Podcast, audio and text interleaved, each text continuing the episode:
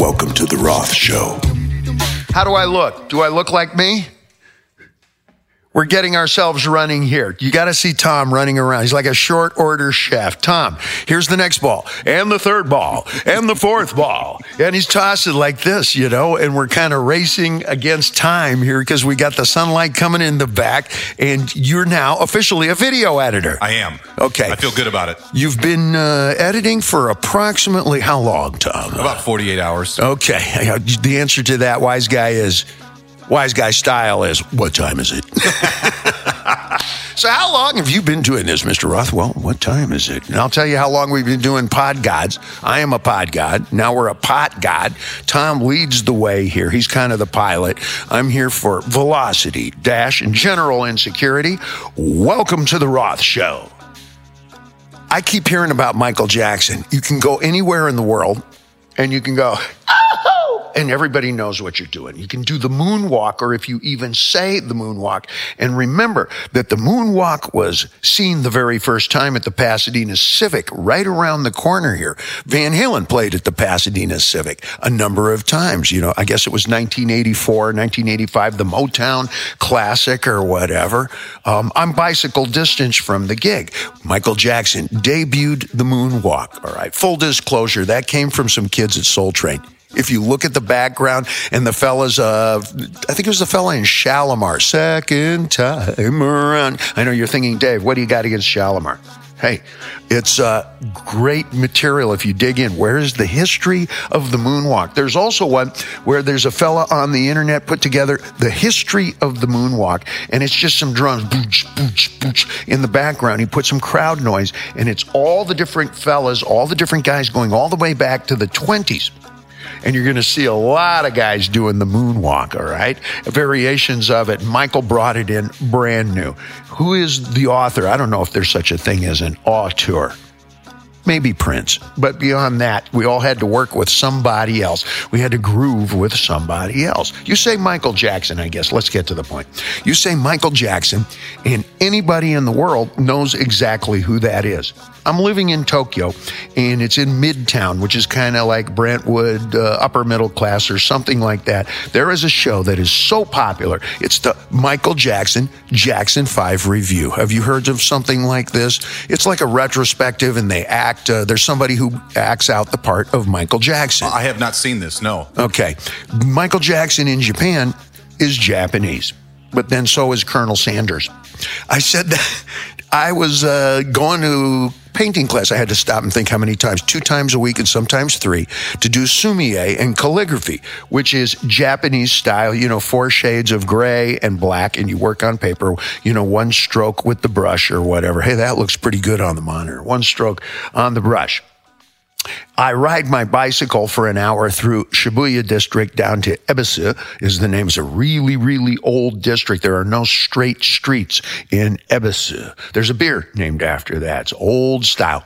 In fact, Ebisu is a kind of a deity. I'm going to research that. It's actually a character, god, uh, some sort. Uh, I would ride my bike there and I would ride past the Kentucky Fried Chicken, which is in the middle of Shibuya. I had to say to my uh, sensei, I said, Have you noticed Colonel Sanders? And you have to approach these subjects delicately because, you know, of course he would notice. He's the senior, you know, artist, he's the illustrator or whatever. And he says, uh, Dev San. And he already has an idea of my sense of humor, so he maintains that.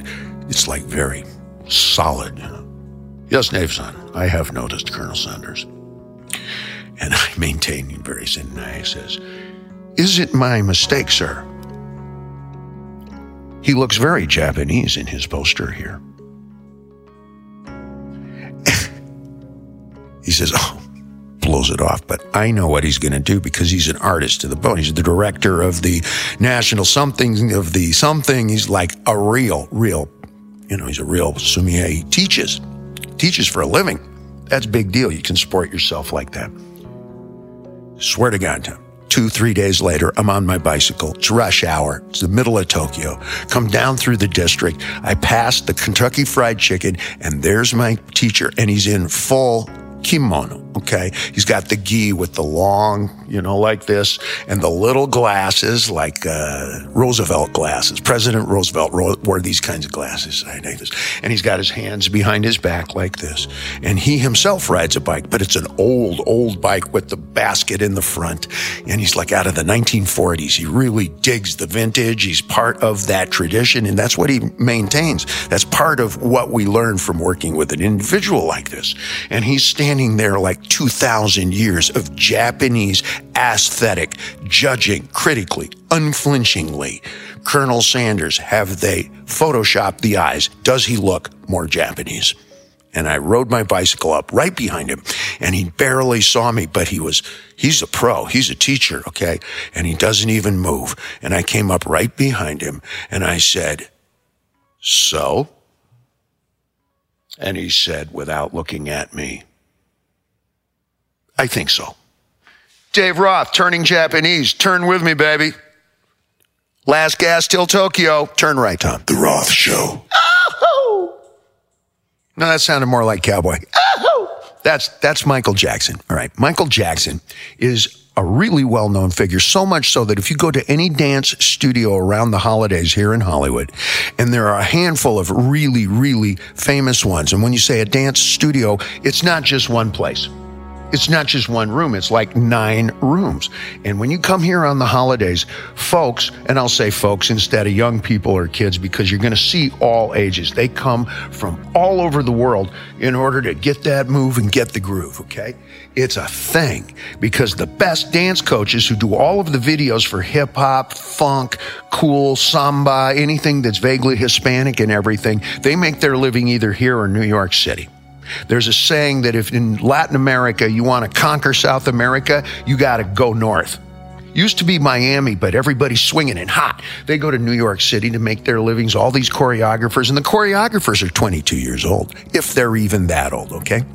These individuals will carry on all kinds of classes. That's how you do your work in between the gigs with Gaga and Ariana, all right? You're going to carry out classes and they're going to pay you well. And that class is going to have 300 people. There's going to be about this much room and there's going to be about 19 languages in there. It's the coolest thing you ever saw. There's going to be 19 languages. There are going to be three girls. No, wait a minute. That's 13 girls in one hotel room at the Tropicana who's used to this shit. And there's somebody down at the desk who speaks fluent Korean. Okay. We don't have anybody here who speaks Uzbek, but we do have somebody from a, what I, according to my map, Googling here, yeah, there's a country right next door. Do you speak Turkish?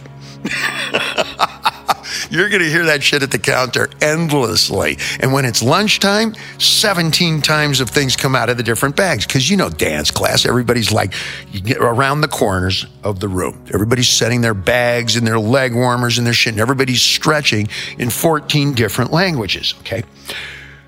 They're going to play Michael Jackson, and that room is going to convulse. Everybody's going to have a great time. Everybody's going to be going, and they're going to learn every possible kind of move and take it home and choreograph for Japanese boy bands, K-pop, just across the sea right there. The Chinese version of all of that. Indonesian is different and don't fucking confuse that with the Philippines SA. really, everybody's got their own vibe and their own move and everybody's moving and grooving it. Our black culture has dominated the world. You can go to Abu Dhabi and the DJ get paid more there than they do in uh, Las Vegas. Okay, Armin goes to Abu Dhabi. Armin uh, van Buuren goes to Korea. He goes to Indonesia, and boom, everybody's shaking and baking. What's my point? Michael Jackson is probably the single Esperanto moment that you're ever going to get there. You play that, it's the epitome of dance music. Everybody knows. He's the first one to throw it and break it, right? And do so like this. Today, there is some controversy about young Michael, okay? Or old Michael or middle Michael. There's different phases, like Elvis or Anna Nicole Smith. First period, Elvis is, uh, thank you very much, Hound Dog. Second phase is uh, maybe comeback special in the black outfit. And third, third period Elvis, sounds like high school, is somewhat enlarged in the Las Vegas approach. Okay.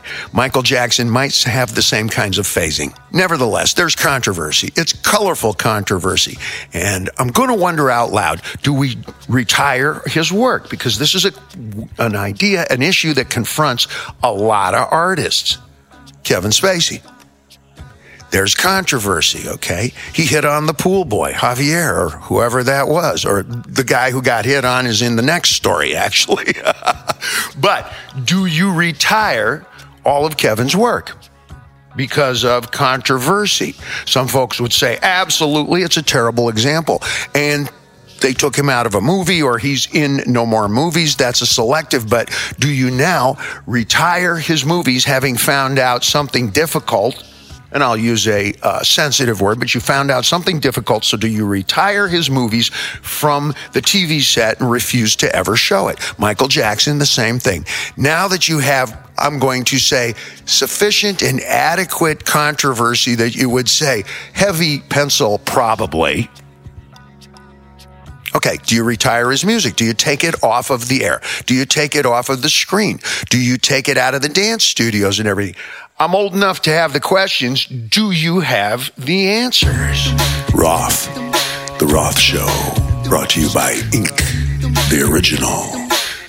And we prefer you say it that way. Ink, the original. That one was even a little better. Nice. Love your tattoos. Mona Lisa, Mona Lisa, case in point, Da Vinci and a couple of his guys get drunk and decide to stick it in the paint mixer. I know, sounds a little kinky, but a lot of artists are kinky. Tom, we make our living in Hollywood. Like the fella in Green Book says, you know, he says to the artist, he says when he discovers that the guy has some sexually interesting uh, proclivities, he goes, Look, I've been making my living in nightlife here my whole life. Life is complicated. And it is. And artists are very traditionally very complicated. Reading about their complications is a guilty kind of a pleasure, right? So Da Vinci and a couple of his buddies get drunk, and this is true, 1476, decide to stick it in the paint mixer. The Roth Show. I'm sitting here with patient X. I have patient X on the telephone. Thank you for calling in, sir. No problem. I, I, I can't show my face, but I'm really glad for you having me on the air. Absolutely, sir. This is a pleasure, and it's quite an interesting. We're going to have an unflinching, incisive view into quite an interesting story that you have. Well, it's not really a story. It's my life. Exactly. For all of you who are about to hear this and uh, imagine it, you won't be able to unimagine it. And some of these next scenes that he's about to depict may not be appropriate for pencil dick adults. Should I start? Absolutely. Please take your time.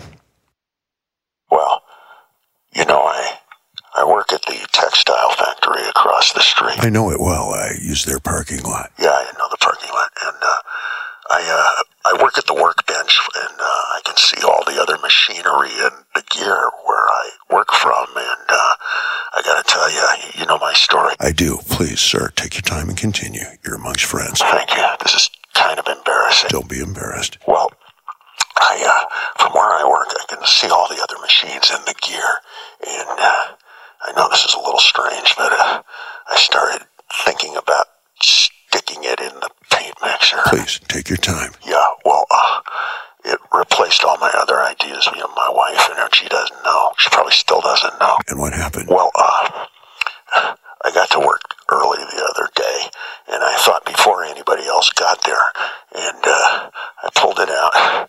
I'm so sorry, but I walked across the, the floor and I, I stuffed it into the paint mixer. And what happened? Well, I thought I was there early, but the foreman got there early too. What a fucking mess. Oh my God! What? But what occurred? Well, freaked the foreman out. He fired me instantly. I'm, I'm so sorry. I mean, what occurred with the paint mixer? Well, she got fired too. The Roth Show. Bobby, it's D Row. Hey, how are you? Hey, how are things in the first precinct? I tell you how they fucking are. Same old shit, different day, different shuffle, Bobby. You'll never guess. Yeah, you'll never guess who's the fuck is doing what. The who will fucking get. And you're not getting tired of this Da Vinci shit? Or how many fucking times do I got to go up to this Mook's fucking studio, huh? Yeah, he's stuck in the paint mixer again, and the kid complained. What the fuck? I go up there. Nah, this is Saltarelli kid. Fucking, I know, I know. He makes a living at this shit. What? He probably didn't give him a tip, huh? Anyway, at least he's not this this mook who's cutting off his fucking parts of his body and sending it to chicks. We all know that guy, eh? but I'll tell you what, he makes a nice ceiling paint. Until somebody comes up with something better. My wife wants this guy to do the ceiling. What the fuck? At least I can get home, watch a game, play it with the kids. Da Vinci. Hey, it's gonna be a good song someday. Mona Lisa. Mona Lisa. Say hello to the old lady for me, yo. The Roth Show. Now I'm going to try and speak sensitively here. Leonardo da Vinci and three of his buddies got drunk on wine and butt fucked the paint mixer, who turns out he's moonlighting as a hooker. Who knows how much a paint mixer makes these fucking days? He's got to make it, you know. He's got to make ends meet, no pun intended. And I don't mean to make fun, you know, but I do, but I don't. Okay.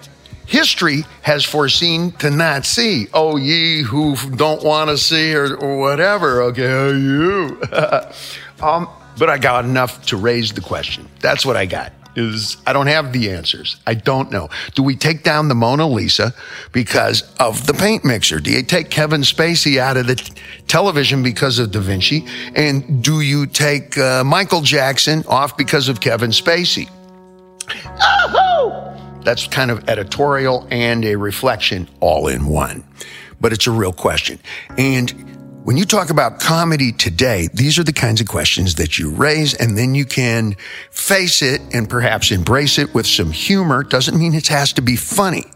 Adult humor doesn't have to be funny, okay?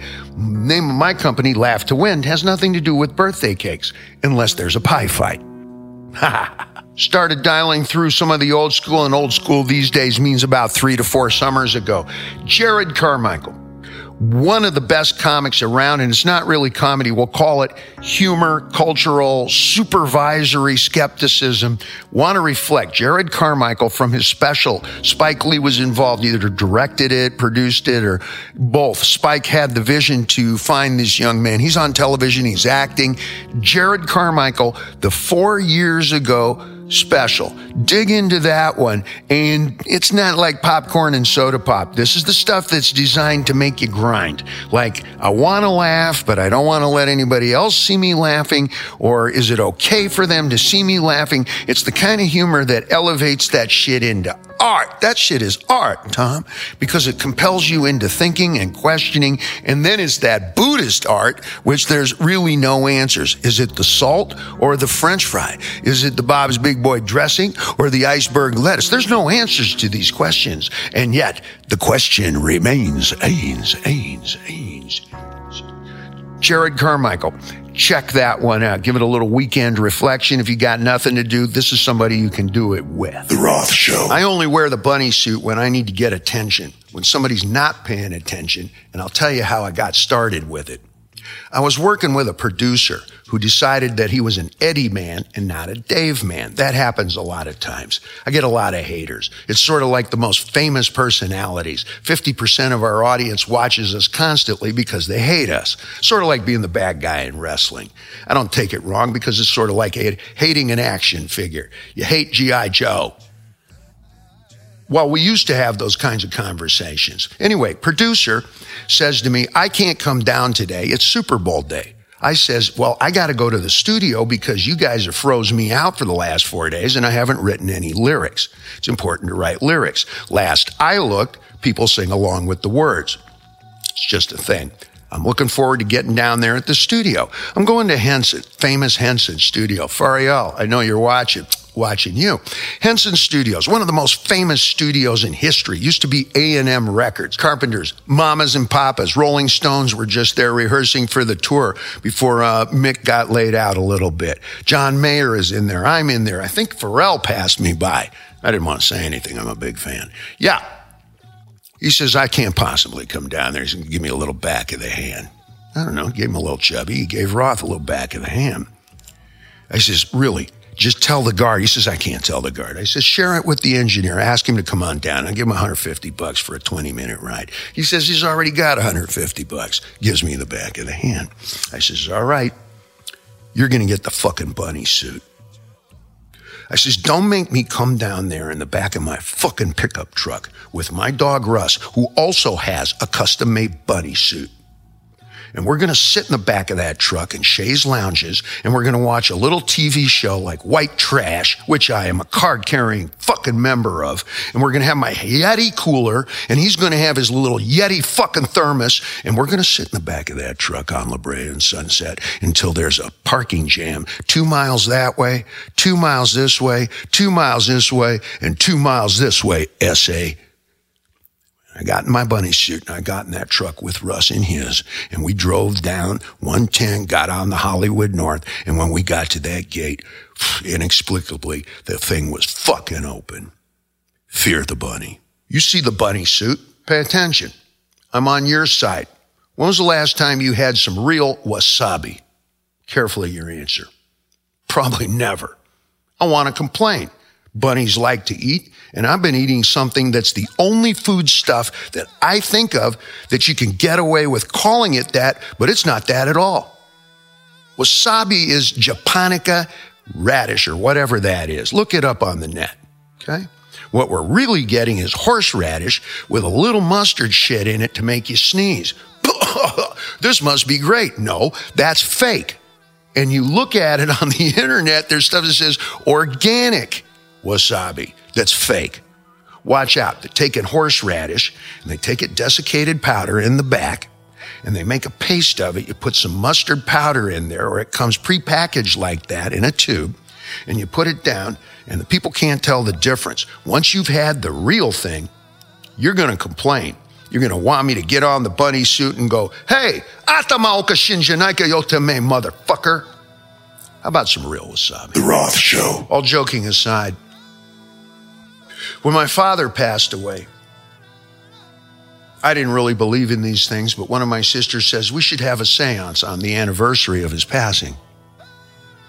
And I agreed. I didn't really believe in it, but I said, okay, let's have a seance. And we did at the table right over here. We brought in one of the folks who's really, uh, I think they're called a clairvoyant or a medium or whatever. We sat around the table, and you've seen it on TV. That's why I was dubious. We hold the hands and so forth. And uh, they began like some kind of, it's a mantra or something like this. Spiritual, I got to admit that it was a spiritual moment, if nothing else. And I'm not going to kid you. Within a few minutes, I heard a voice. And it was the voice of my father. And he said, I sleep. I eat. And I said, Dad, is that you? He said, I sleep. I eat. I said, What's it like? And what's it like? Where are you? What, what are you? Where are you doing? And he said, I sleep and I eat. And then I get laid. And then I sleep. And then I eat and then I get laid. And I said, That's what's happening up in heaven? And a voice came back that said, Heaven? I'm a jackrabbit in New Mexico. The Roth Show. That's right. We're still wearing them. That's right. That is it coming through? It's okay. You can yeah, hear. It? you're hearing it differently now because you have the headphones on the outside of your head.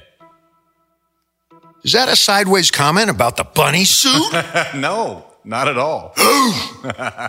Bad bunny. I can turn it up to you. I can too, Tom. The bunny's back, and now it's time for trouble. Okay. You think it's always fun and games. Okay when you know you see us in the back in fact the best thing you can say ladies if you're ever out on a first date or something and some wise ass says to you hey baby you ever been in a car like this you can turn to him and blink your eyes like lola falana and go not in the front so i got a limousine driver very well known guy. I'm going to give him a different name, Robert. Okay. Robert drives a lot of real famous people and it's kind of well known that he hates most of us. Okay. Robert lets it know. You know, he's going to drive along and he's going to make a comment about this last album, Mr. David. I don't think it's good as uh, previous. He'll listen to the middle of your conversation, of a 20 minute conversation on the smartphone in the back, and then comment on that. like he's your personal assistant. And we all know this because he's real well known in showbiz. Mr. David, what you were saying about third paragraph, I disagree. and you're talking about Madison Square Garden and the lighting rig, and uh, you know Keith Richards called uh, John Bon Jovi about uh, McCartney, and they're all a little. Mr. David, I have feelings about McCartney. I think he became better. Like in the middle of this shit, right? And you can tell he's a hater because if he's not feeling real good this day, okay, and a lot of musicians know exactly who I'm talking about. If Robert's not feeling real good that day, he intentionally gets lost. If you're not aware, you'll inexplicably be showing up 20, 30, sometimes 40 minutes late for something that you find out, wait a minute, we just took the polar route for the, for the ice cream place that's four blocks away. I prefer to call it the scenic route. It's all perspective. So I take the bunny approach whenever I need a little bit of extra gas, okay? Because I know how to channel this. People have been trying to fuck the bunny up for decades, all right? Sometimes even I hate me, fucking lead singer. You ever seen a wristwatch like that? Fuck, fuck me. So, that's one of my inner childs, okay? Um, whenever I need a little bit of extra bunny energy and I know I'm not inspired and I need a little fucking shot of adrenaline, and I need to get lost in order to do it and show up a little bit late and inexplicably not be able to find the correct channel on the Sirius XM that day, I call for Robert. You want to hear the result of this shit? He made me carry two guitars. Okay. I had just gotten my back surgery and I got out of the car at the studio and I had two acoustic guitars in travel cases. Guys, I can't operate anything heavier than a, well, a tall can, but not much bigger. I mean, one at a time, I'll handle the whole six pack. I saw it look dumb. But one at a time says don't operate heavy machinery. To, to me, this day it means the remote control for the Netflix, okay? He steps back and pretends he doesn't notice. So I channeled and I carried those fucking things. I'd make about five feet, put it down, five feet, put it down, five feet, put it down. It took me almost 14 minutes. And you know me, I'm counting to get across that parking lot, which usually takes me to walk 14 seconds. But you think the bunny's gonna let this asshole fuck with the bunny on behalf of bunnies everywhere. I fucking made it. And I walked into the studio, and Tom, we recorded what we know as track five. Take a listen to track five, SA.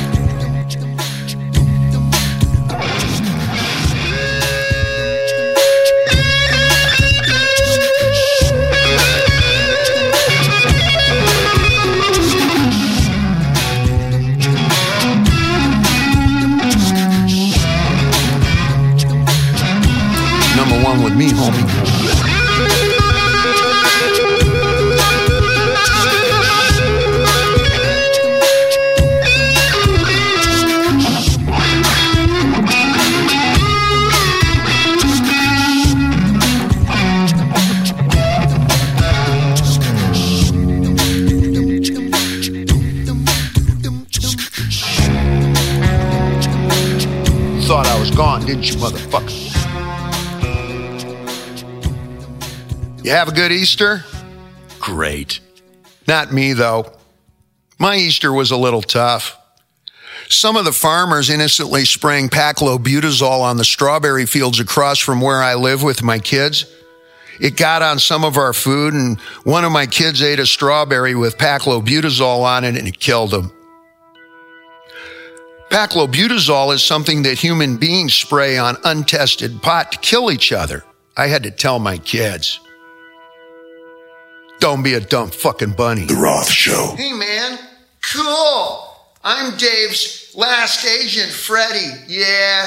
I drank my kidney into paste, and Jesus, I know the guys prayed and prayed for me and prayed, and fuck them. I got well anyway. Ah! As you can tell, I'm a fucking dummy. And, uh, you know, I don't care if there's any bifenthrin in the pot I smoke. Good evening. I'm your new pot. I'm 100% synthetic. That's right. I have nothing natural about me at all. I was raised on paclobutrazol for breakfast, bifenthrin for lunch, and how do you say that other stuff, Tom? Glyphosate! Anyways, I know your biggest concern about this pot is that no animal testing. Well, take my word for it. Nothing natural's been any fucking wares near me at all. The Roth Show. My name is Cosmo. I'm the self taught genetic physicist who engineered Dave's pot. He doesn't need to test it. Whoa. Hey man, that's a lot like The Exorcist. You gotta meet my sister. She can do that too. So this is my friend Bill. Tom, have you met Bill? You met Bill? Just today. Say hi. Tom, how are you? I think you. Um, as you can see, there's been a few changes in Bill. If you knew Bill before, he was a reasonable human being, but uh, now Bill's a robot. And uh, Bill, can you uh, tell us why uh, you have become a robot? Oh, absolutely, absolutely. Bill. Oh, oh, sorry, sorry, sorry. And uh, Bill. Yeah. Oh, sure, sure. Um, uh, Bill?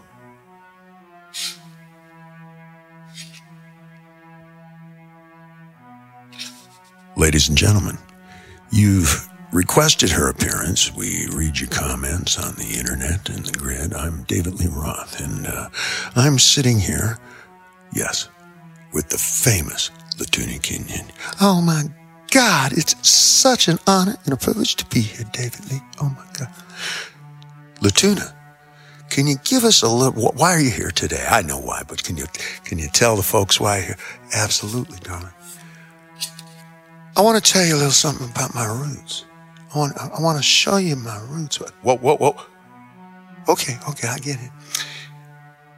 Ladies and gentlemen, there was a point in my life when I had to make a, a transition. I was compelled to think about my future. And I was looking into the future and I was thinking, I could be an astrophysicist. I could be a scientist. I could be nuclear, but then I realized I was limited, David. How's that? Well, my legs were too long and my bosoms were too big. Oh my God. Have you ever told anybody this? No, I have not. Well, this is a big moment, though. Yes, no pun intended. pow, pow, pow. Anyway, even I know, please continue, even I know that if you smoke some shit that's like closer to styrofoam, I think I understand the connection. Pow, pow, pow! Then you're a fucking dummy. Has this service been like a public service announcement? Baby, I'm more interested in the private service. I love you, baby. Don't love me. Rent me. I'm hearing flutter. Is that our microphone having fun? Yeah. I think it's a temperature. Um, I think it's idling, Tom. Like a fucking Hemi Cuda, okay? Whatever you think is fine. But I hear it as a, a humming, ripping fucking, this fucking show yeah. is designed to get from stoplight to stoplight faster than any other fucking vehicle on the street, and it has no other specific purpose. You might want to use it for another purpose, but I didn't build it for any other purpose. Like my car. Orale. I think I know that car is. Uh, ladies and gentlemen, I would like to. uh, let me introduce you.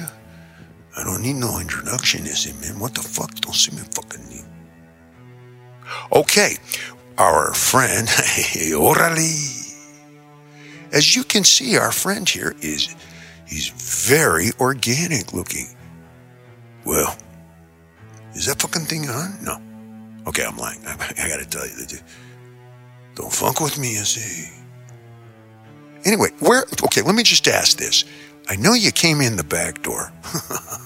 Orale. And uh, you just came from where? Okay, you came from somewhere not south, and in between east west.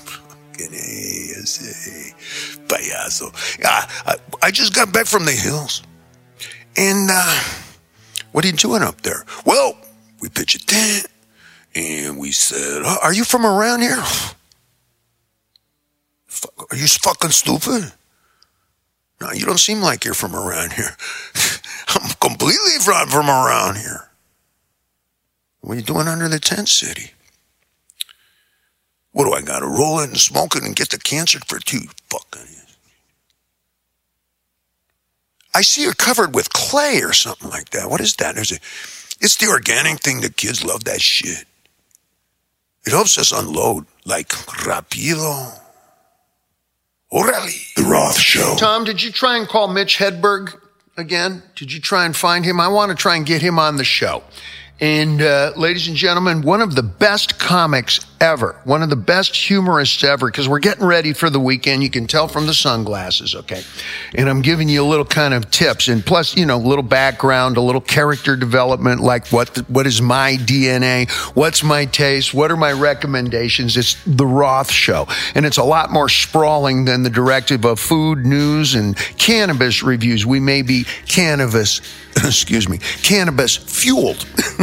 but the subject matter is a considerably more colorful and whatnot. We're talking about humor, comics, and when does it become something way beyond, but something that consistently is hilarious? I mean, as consistent as what is consistently probably the most consistent item in history, the McDonald's French fry. And if you're looking for something in terms of humor that's going to make you think and then it detonates, and by the time you're the idea, oh, that's what he's talking about, detonates and you're laughing, he's halfway into the next material. Mitch Hedberg all right, I was making a joke. Mitch is dead. And that's why Mitch's agent isn't answering the phone. And it was because Mitch did heroin. Okay. And it's why I don't support heroin.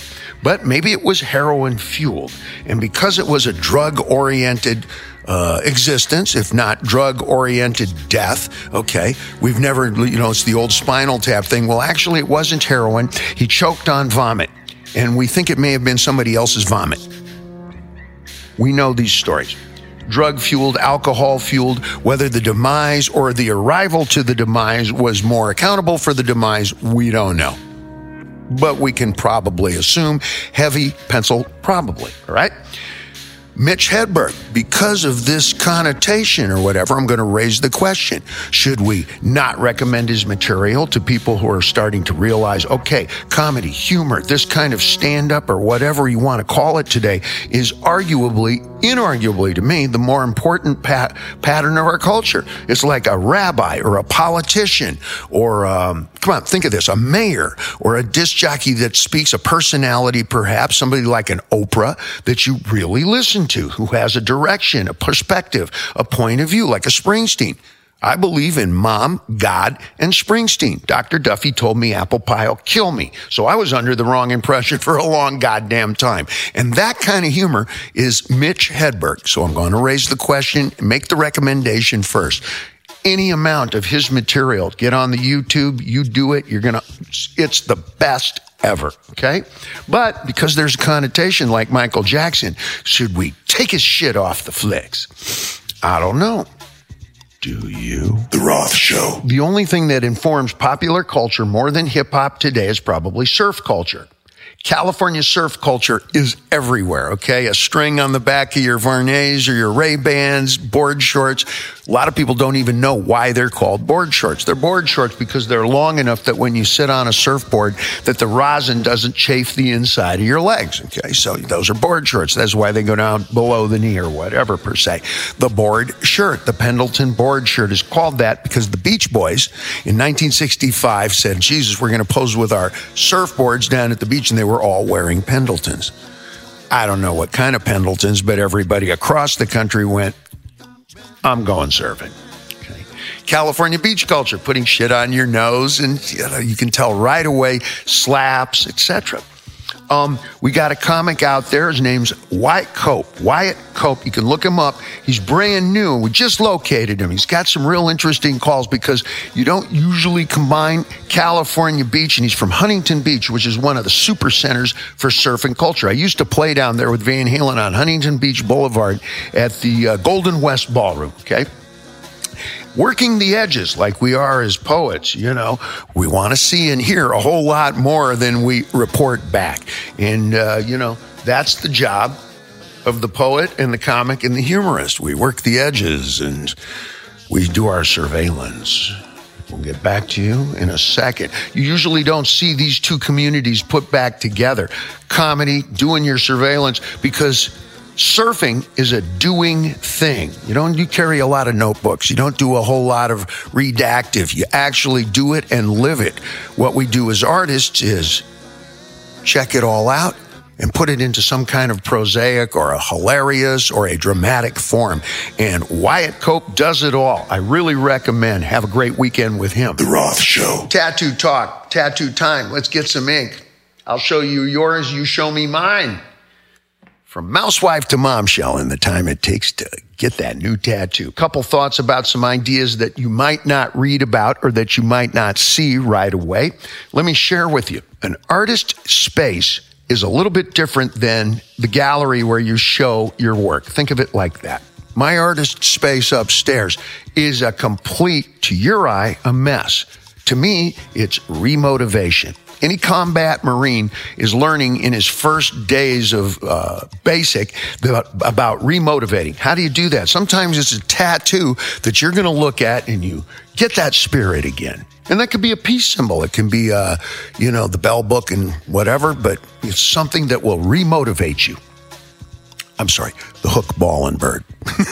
that's what you call the Marine Corps, okay? No disrespect, absolute respect. And that's how you remotivate. You might look at, uh, you know, your knife set and say, I'm going back to cooking school and I'm really doing it this time. Maybe it's a law book. Maybe it's a Bible. Maybe it's, it could be a peace symbol or just a happy smiley face that re- motivates you to do whatever. That's designed in a different space, perhaps, than it is rendered and certainly where it's enjoyed.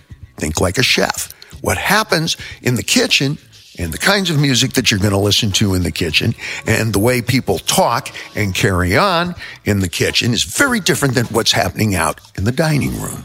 And this is a source of comedy too, because kitchens are flashing steel, sharps, possible chops and lacerations and blowing up flame and possible calamity at every turn. You're always compensating for something. The water overflowed, then the thing blew up and the lights went out. And who put this fucking music on. And there's four different kinds of music. And it's noise, noise, noise. And don't be surprised about people covered with tattoos, bizarre haircuts. Yeah, like mine. And on and on. And outside, as soon as you step through the door into the dining room, it's. Oh, how are you enjoying your $80 beverage? And you walk back through the door into the back. Boom, boom, boom, boom, and everything is like this. And you don't combine the two more frequently if you step out front in a three piece suit and you greet everybody, and that could be anybody from the governor to the rock star, from the pope to the bass player, okay? Doesn't matter. And it's maybe it's Italian. That's the most popular food in the States, that and Mexican. Changes one or two does at any given time. So you're out front and maybe there's, you know, mariachi, baby, come back. They're singing in that mariachi style. and it's very calm or it's, you know, Italian, you know, uh, we, we appreciate your patronage. And I have a very special table. That's how I would talk if I had an Italian restaurant. We are so proud to have your presence here, Your Highness. Please, table six. Tommy, Tommy, table six. and you'd have like a fellow with the concertina or something, you know, like this. And in the back, they'd be playing heavy metal because that shit's got to get done now and it's got to be exactly right. Remember, the only really, really, really consistent things in life are not taxes because now I hear there's people in Washington who don't pay any. How did that happen? I have no idea. So it's life, death, and uh, I don't know what else. McDonald's French fries. And you got to be as consistent. The only thing consistent in life is death, life and McDonald's French fries, and you're competing with the French fry man. So, boomity, boomity, boomity, boom. Sometimes what happens in tattooing is the artist's space, and this is usually a budgetary consideration. Hello, land of the ba- black shoe Indian. What do I mean by the black shoe Indian? When you move below 14th Street, and I lived down there for quite some time, first shoes you get are black because those are probably the only shoes you have, and black doesn't show the dirt. Same thing for black Indian pants. Black shoe Indians wear black jeans along with the black shoes for the exact same reason, unless you have paint spatters on your black pants, and that's cool. But you don't have to wash them, but maybe once a month, once a week, and they start to get shaped like you are. So, all you really need, especially if you do that extra cool shit of take your pants off in the laundromat, is a great way to meet chicks. Okay. You're downtown Thomas and you're wearing your shorts, you know, like that. You've seen this in some movies, you know, like there's a, or I think I may have seen it in some movies, or if you ask me, I'll tell you I have seen it in some movies and rationalize why I just did it. But think of who I was and think of what I used to look like when I was old as you guys. Yeah. Fuck you too, kid. Anyway. I felt nothing of pulling my pants off and my shirt off, sitting down in a laundromat. I was a fucking millionaire. I could have had somebody take that shit up in room service and have it back in no time. But in Miami, there was a laundromat, which is right around the corner near the Deuce in South Beach. Okay. And I would just go down there on our days off. This was in the 80s, in the very early 80s. I was Tarzan. Remember me? Tarzan with a bar mitzvah. And I go down there and I'd pull my pants off. I'd have my pants and my underwear on. Actually, they were Speedos, different day and age, and I'd take my t-shirt off and sit around and wait on that shit. I remember Neil Zlozower came down and took pictures of this shit, me, uh, me doing this. I actually met a girl doing this. We got married, Tom. There's no good time to tell you that.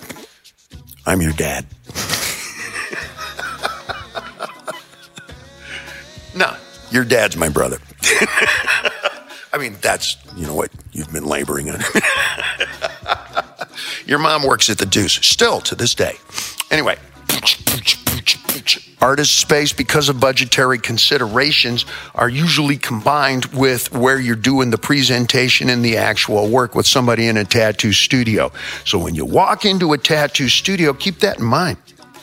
The artist has everything on the walls to remotivate. The music is designed to remotivate and ignite the artist, and that's what you want. Don't ask for the music that's going to be soothing and relaxing to you. You want that artist at full pitch because this is a permanent thing. This is permanent. You're making a statement. That is going to be the voice of transmission. My hand, my voice, my voice, my sword. That's some fake Japanese shit I made up, but I mean it. And the artist, if he likes punk rock and you like the way that artist goes, you like punk rock. If that artist likes uh, Charlie Mingus and Django Reinhardt and you like punk rock, too bad. Because you want that artist to be motivated and working in their own environment. So when you walk into a studio and you already know the material because you've gone to Tattoodo, you know what this artist is capable of and the style that they do, and everybody just does different styles. You would not think to go to a Mexican restaurant and go, What do you fucking mean you got no German?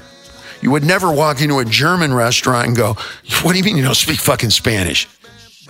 But many people walk into a tattoo studio that specializes in Japanese, for example, and go, Where's the fucking American traditional? I like that shit. It's an age of specialization. So you already kind of know who and what it is that you're coming to see. Don't be surprised about the workspace that motivates that individual because just like behind the scenes in a kitchen, it may not be the, the look and the sound and the music of the Italian soprano style. The Vesuvius. Remember Arnie or whatever his name was? The uh, Arnie's Vesuvius or whatever in uh, The Sopranos. Okay. Same thing with your music and whatever's going on in the tattoo studio. Other studios take a different approach. Japanese is combined but very austere and very quiet. The music is absent or very, very subdued. Other places that I've gone are really slam dunk four on the floor. A great place that is an interesting combination that you may not have seen is right after this.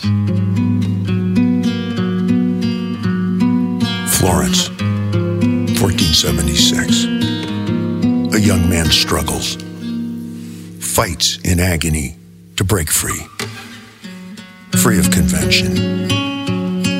Line work, lighting, pattern, color, so much color. Color in a moment that will now take this young man into history. Let us protect your colors. Fight the fade. Ink, the original. TheOriginal.com.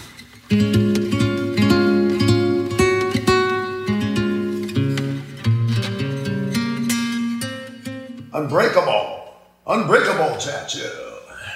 Unbreakable Tattoo. I'm being dramatic for effect because it's a great shop, it's a great setup, and it's a great studio. I'm not sure what to call it because it contains five different artists with five different ateliers. Okay.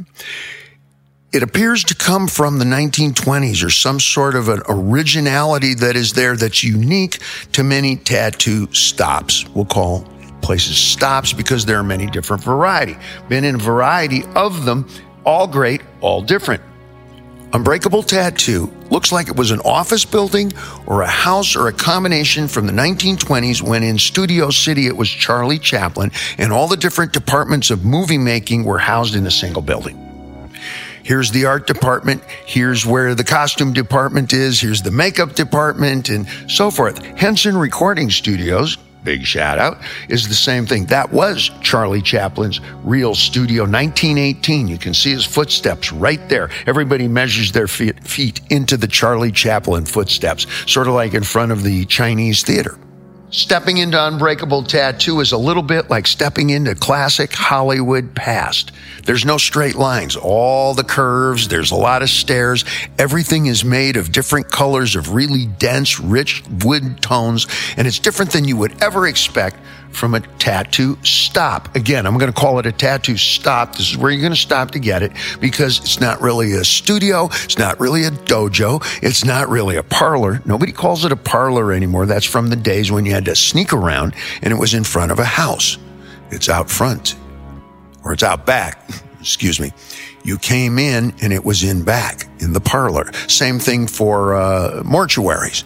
You know, you had a parlor because it was part of a family. No longer. It's a studio. I'll say we're stopping because it inclusives it is inclusive of all. Walk into Unbreakable Tattoo and you step into an aesthetic experience that is complete. Before you even meet one of the artists, and each one is in a different space. Okay. When I returned from Tokyo with approximately 250 hours of tattoo time with what I call the Japanese tuxedo, I came with a brick of actual ink, the same kind of sumi that you do calligraphy with, and that's what my tattoo is made with. And I have that brick so that when it's time for touch ups, and we're making an assumption that I'm going to get older, then it all sort of matches up. It's like the first aid kit. I showed up with my brick. Horiyoshi III, very famous tattoo artist, did all of my arms in front and, you know, my behind here. I'm going to show, whoa! Hey, you got to pay me if you want me to show you. Buy me a drink first, lady. Horiyoshi III sent me back with this, and uh, this is the ink, and Horisuzu. This is his, uh, I'm not going to say it's his apprentice, but Horisuzu's mentor. Okay. All roads lead to Horiyoshi III and probably, um, inarguably, one of the greatest acolytes. I think that's the right word, a follower, but with some original inflection mixed in. This is the Japanese, exquisite Japanese work. Horisuzu. Big shout out, Sensei. Great, good to hear you. And uh, great for any kind of Japanese motif you're going to want to get with him long in advance. Okay.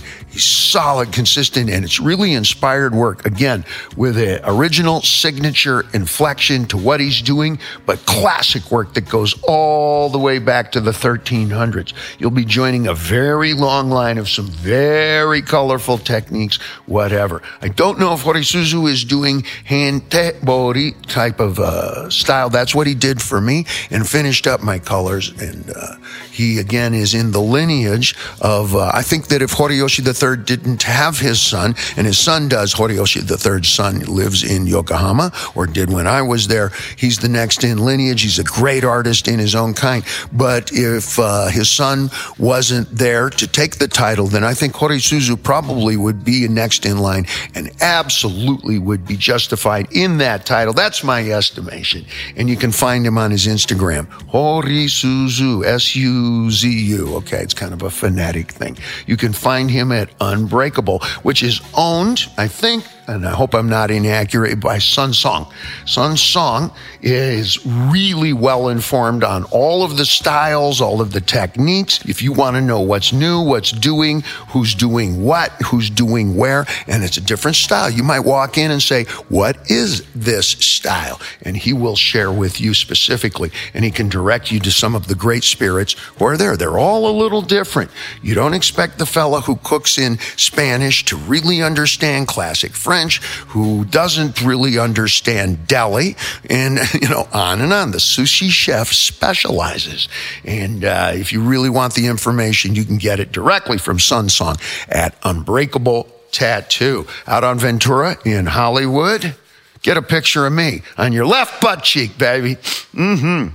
And get your husband and kiss your ass goodnight. The Roth Show. California culture today. What's it look like? The Strip, Ventura Boulevard, in Studio City, which becomes North Hollywood. Tom, you know this area well.